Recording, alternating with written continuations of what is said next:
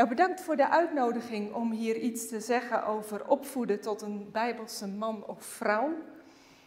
Uh, ik zal me even kort wat voorstellen. Ik ben uh, orthopedagoog. Ik heb voor ons trouwen ook een aantal jaar als orthopedagoog gewerkt. Maar ik moet eerlijk zeggen dat Bijbels opvoeden pas is gaan leven toen onze kinderen geboren werden, toen we zelf kinderen mochten krijgen en ook toen de Bijbel door Gods genade een boek werd waaruit ik leerde leven. En via artikelen en boeken heb ik uh, de achterliggende jaren geprobeerd om wat gedachten over Bijbels opvoeden ook te delen. En ik merk eigenlijk steeds meer verlegenheid bij ouders van ja, hoe pak ik dat toch aan? En daarom ben ik de laatste jaren vooral via de website Bijbels Opvoeden bezig om heel concreet materiaal aan te reiken. We hoorden al, huisgodsdienst vraagt veel voorbereiding van ouders. Lang niet alle ouders hebben daar tijd voor of nemen daar tijd voor om toch ook wat concrete materialen te hebben om in het gezin mee aan de slag te kunnen gaan. Nou, en de organisatoren van deze dag hebben me gevraagd om ook daarover iets uh, te vertellen vandaag in relatie tot het thema van de dag. Het gaat dus niet over opvoeden van en omgaan met transgender kinderen. Het gaat er wel over hoe kunnen we nou in deze tijd onze kinderen de bijbelse man-vrouw verhoudingen overdragen en meegeven. En dan wil ik beginnen met een voorbeeldverhaal. Waarschijnlijk kent u de naam van Terhorst, een joods-christelijke pedagoog uit de vorige eeuw.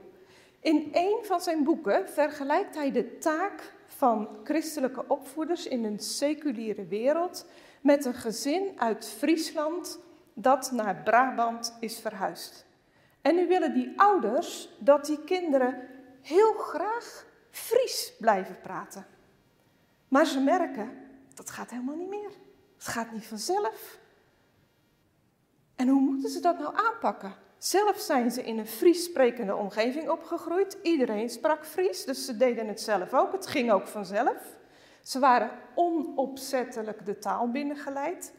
Maar nu bij hun eigen kinderen merken ze, van ja, dat is anders. Die omgeving is anders. Iedereen praat hier Brabants en onze kinderen gaan Brabantse woorden gebruiken en hun tongval blijft niet hetzelfde. En ja, hoe moet dat? En dan schrijft Ter Horst, willen deze mensen hun kinderen de taal van het voorgeslacht meegeven, dan zullen er twee dingen moeten gebeuren. In de eerste plaats zullen ze opzettelijk en systematisch te werk moeten gaan.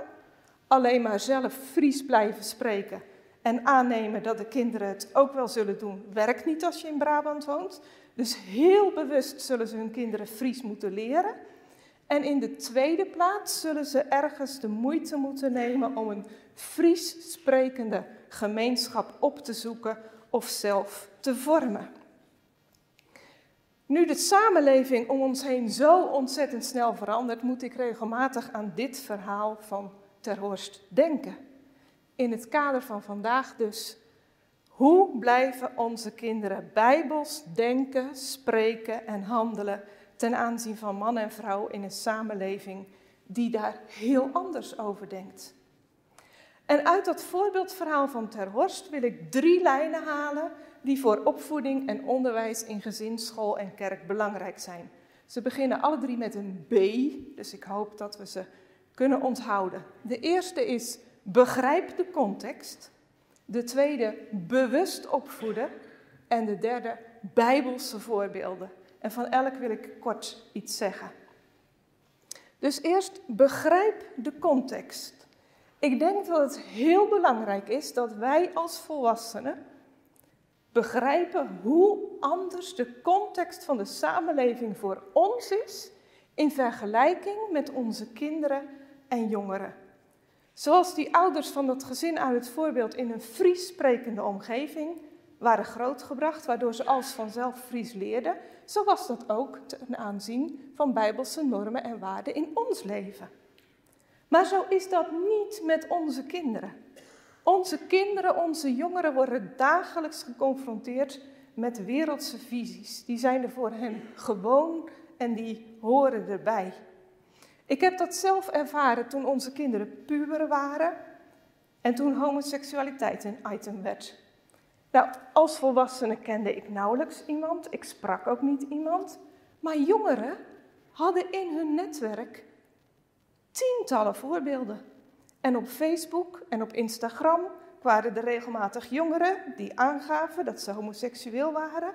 En onze reformatorische jongeren feliciteerden hen daarmee en stimuleerden hen om zichzelf te zijn. En, en niemand die de Bijbelse boodschap inbracht. Dus ik had het er net ook nog even over met een predikant. Bij ons is die netwerkwereld, die je daar naast dat gezin ziet, is voor ons een aparte wereld.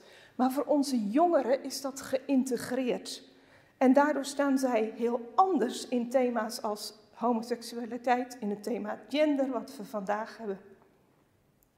Dus als wij met onze bijbelse standpunten naar onze jongeren gaan, zonder er rekening mee te houden hoe zij emotioneel, maar ook rationeel door die samenleving beïnvloed worden, komt onze boodschap niet bij hen over. Dus we zullen op zijn minst begrip moeten tonen dat het voor hen veel lastiger is om bijbels te blijven denken, spreken, doen dan voor ons. Dus is het ook belangrijk dat we niet alleen de bijbelse standpunten meegeven, maar ze ook helpen om die te integreren in hun staan in de huidige samenleving. Dus begrijp de context, dat als eerst. Maar als tweede ook bewust bijbels opvoeden. In deze tijd wordt een bewuste bijbelse opvoeding belangrijker dan ooit. De tijd van onbewust leren is echt voorbij. Dus de tijd dat je als gezin kon volstaan met na het eten een stukje uit de Bijbel lezen, danken, Bijbel dicht, overgaan tot de orde van de dag, op zondag naar de kerk zonder dat het verder benoemd wordt, die tijd is voorbij. De tijd dat je op categorisatie alleen dogmatiek over kan dragen, is voorbij. Dat is die al een poosje, maar ik merk dat we als volwassenen daar lang nog niet allemaal van doordrongen zijn in gezin, kerk of school. Als we niet heel bewust bezig zijn met de bijbelse visie, de bijbelse grondlijnen aan onze kinderen overdragen, raken ze beïnvloed door alles wat ze om zich heen horen. En ik denk, en ik ga het voorbeeld niet uitwerken, want we hebben dat vandaag al gehoord. Jurgen schetst het net ook over het voorbeeld van de werkende vrouw. We zien hoe we daar door de generaties heen in onze samen, in onze gezinten, het een en ander kwijtgeraakt zijn. Dus dat betekent dat we meer dan ooit opzettelijk en systematisch, zoals Ter Horst het noemt, te werk moeten gaan bewust bijbels opvoeden. En misschien is er iemand die zegt, maak het eens even concreet. Nou, ik wil dat heel kort doen. Gezien de ontwikkeling van kinderen kun je een driedeling maken. Bij kinderen van 0 tot 6 jaar is Bijbel leren heel belangrijk. Dus ten aanzien van gender, leren hoe de Heer het bedoeld heeft. De schepping van man en vrouw, het huwelijk, dus het leggen van het fundament van de Bijbelse beginselen. Nou, voor de website heb ik bijvoorbeeld een Bijbelrooster gemaakt um, over Psalm 139, over de hemelse pottenbakker die jou wonderlijk gemaakt heeft. Zoals je daar ziet, heel concreet wat materiaal. Dan gaan we naar kinderen van 7 tot 10. Dan gaat het om Bijbelleven, ook vanuit de ontwikkeling die zij met hun geweten doorwaken. Je kunt dan verder bouwen op het fundament wat je in die eerste zes levensjaren hebt gelegd. En dan kun je ook andere levensvisies ter sprake brengen. Wat zegt de Bijbel daarover? Ik heb voor de website bijvoorbeeld Bijbelmateriaal gemaakt over geschapen als man en vrouw. Waarom deed de Heer dat? Wat wil hij daardoor over zichzelf leren, zoals in de lezing van Dominee Klaassen hoorde? Wat betekent dat voor jou als jongen of meisje? En op dit moment ben ik bezig voor deze leeftijd met een bijbelrooster voor jongens over wees een man. En voor meisjes over wees een vrouw. Omdat we weten dan dat het vanuit Gods woord ook een levensopdracht in zich houdt. Paulus zegt tot mannen, houd u mannelijk. zijt sterk. En Petrus zegt tot vrouwen, wees een dochter van Sarah. Wat betekent dat nou in het leven van onze kinderen? En dan 11 tot 18 jaar, daar is het heel belangrijk dat ze hebben leren Bijbel lezen. Dat ze weten welke Bijbelteksten zijn er nou belangrijk bij een thema als gender. En dat ze zo kunnen vinden op momenten dat ze nodig hebben. En ik heb voor tieners bijvoorbeeld Bijbelstudies gemaakt bij de eerste hoofdstukken van het Spreukenboek. En we hebben destijds met onze jongens het boek Een jonge man naar Gods hart gelezen. En met onze dochters Een jonge vrouw naar Gods hart. En inmiddels zijn er veel meer boeken. Als je de boekentafel bekijkt die daar in de hal staat, dan zie je daar meer boeken over. De Godvrezende man, de Godvrezende vrouw, waarin voor jongeren ook wordt concreet gemaakt van wat vraagt Gods woord van ons. Dus dat bij de tweede lijn, bewust bijbels opvoeden. Dan ga ik nu naar de derde lijn, bijbelse voorbeelden. Onze kinderen en onze jongeren hebben voorbeelden nodig, anders gezegd identificatiefiguren. Voorbeelden in de gemeenschap waarin ze leven, dus het eigen gezin, maar ook daarbuiten. Mannen en vrouwen die beantwoorden aan de roeping die de Heer hen gegeven heeft, aan hun bijbelse rol en daarmee ook aan Gods beeld. Mannen en vrouwen die door genade geleerd hebben om zich gelovig te voegen naar de orde van God. En dat mag ons als opvoeders allereerst de hand in eigen boezem doen steken. Ben ik dat? Ben ik een bijbelse man of vrouw? Wat ziet een jongere als die in de spiegel van mijn leven kijkt? Welk voorbeeld geef ik? Ik denk dat het voor onze jongeren heel belangrijk is dat ze ook voorbeelden van homoseksuele medemensen hebben die naar Gods woord willen leven. Of van jongeren die worstelen met hun genderidentiteit en die een bijbelse weg daarin willen gaan. Dus concreet voor Bijbels beraad, laat ook gerust die personen uit die werkgroep struggle, zoals je al aangaf net aan het woord. En ik vind het heel mooi om te horen dat ze ook gastlessen geven op reformatorische scholen. Want het is niet alleen voor die mensen, maar ook voor onze jongeren zo belangrijk om ze erbij te betrekken en niet over hun hoofden heen te praten, maar met ze in gesprek gaan. Niet vertellen hoe het moet, maar met ze zoeken naar een bijbelse lijn hierin. Ik denk dat het ook heel belangrijk is dat deze identificatiefiguren ook in de online netwerken van onze jongeren aanwezig zijn. En ik vond het heel opvallend dat in de Engelstalige wereld, en ik heb er een paar eh, foto's van uh, op de PowerPoint gezet.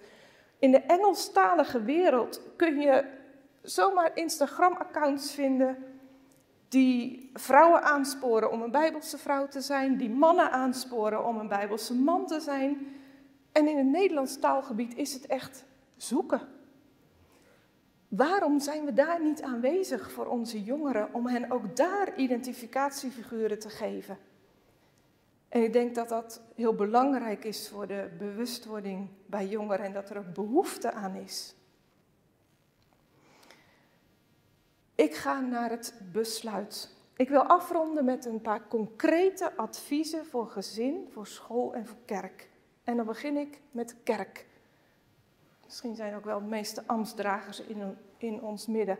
Ambtsdragers, ik weet dat uw eerste taak ligt bij het zielenheil van de gemeenteleden.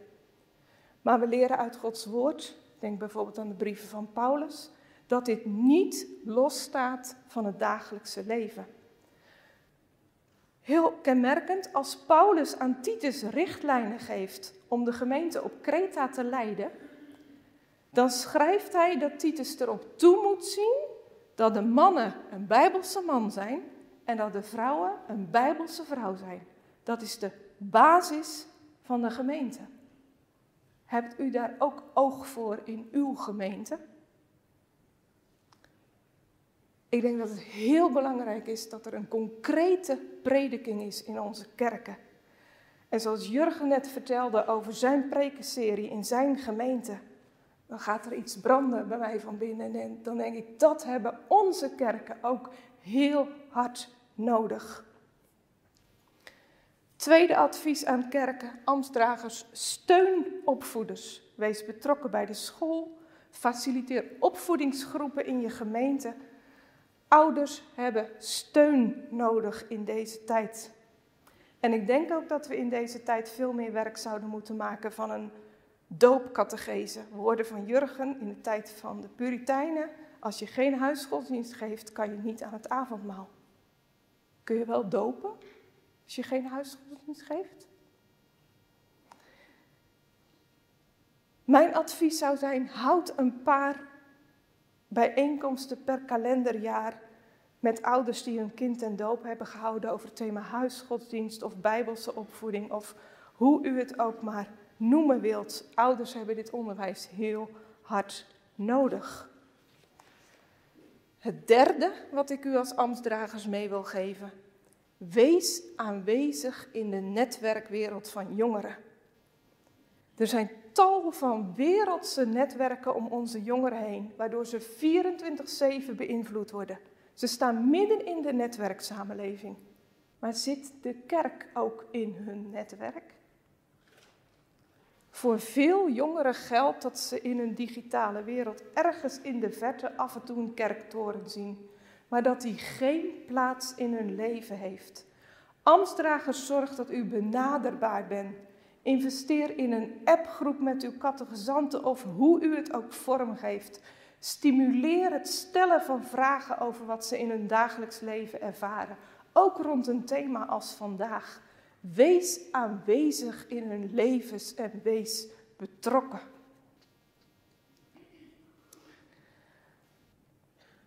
Een advies aan school. Ik denk dat er ook wel leerkrachten en docenten in ons midden zijn.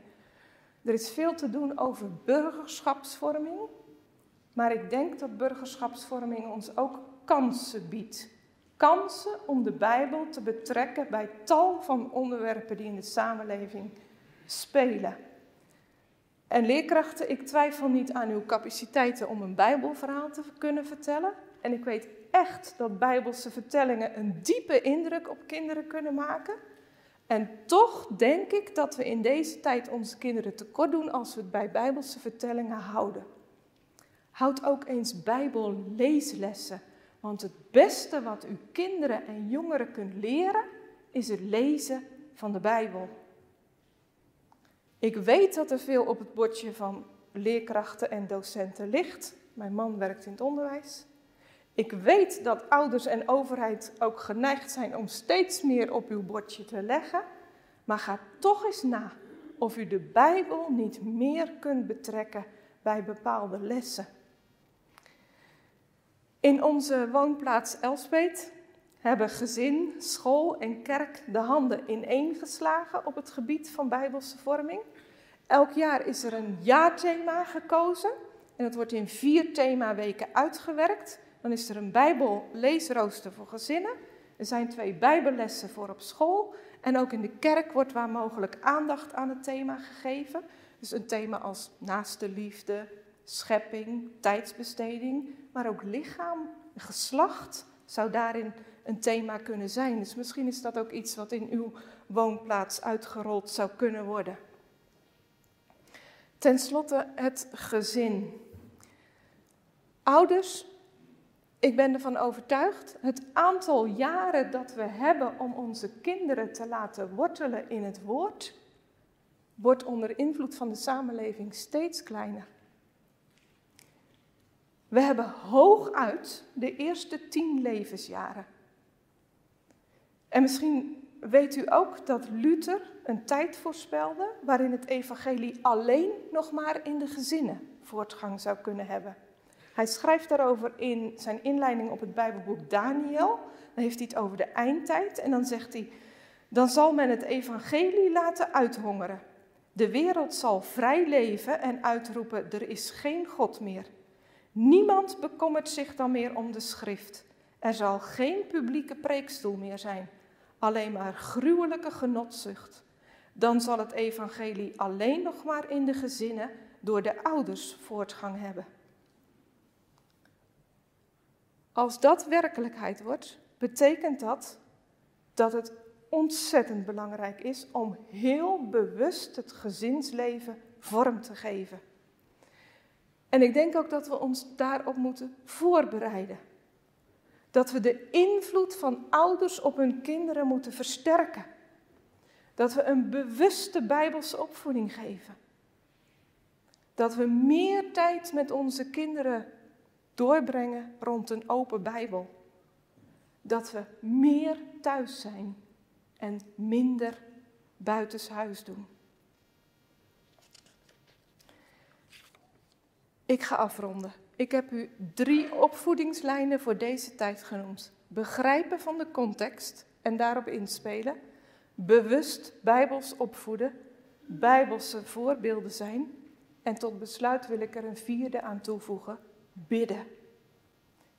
Er is een geestelijke strijd gaande om de identiteit van de mens en om de harten van onze kinderen en jongeren. En ik weet dat er hier mensen zijn die die strijd heel intens voelen. Dat betekent dat het nodig is dat wij ook geestelijk werkzaam zijn. In woorden, met daden, maar vooral ook op onze knieën. Bid en werk. Welzalig hij die al zijn kracht en hulp alleen van Hem verwacht. Laten we niet te veel op de omstandigheden zien van een christelijk gezin in een seculiere samenleving, maar vooral ook omhoog kijken naar de God van het verbond. Bij alles wat er om ons heen verandert, blijft Hij dezelfde en blijft Zijn woord even krachtig. Geloof in de kracht van het woord in de omgang met kinderen en jongeren. Dat woord is houdbaar tot het einde van de wereld. Er staat echt ook alles in voor deze tijd en voor de vragen waarvoor we nu staan. Gods getrouwheid is van geslacht tot geslacht. En zolang de zon en de maan er zijn, zal zijn naam van kind tot kind voortgaan. Hij gaat door met zijn werk tot aan het einde van de wereld, want hij regeert. Zijn koninkrijk zal komen.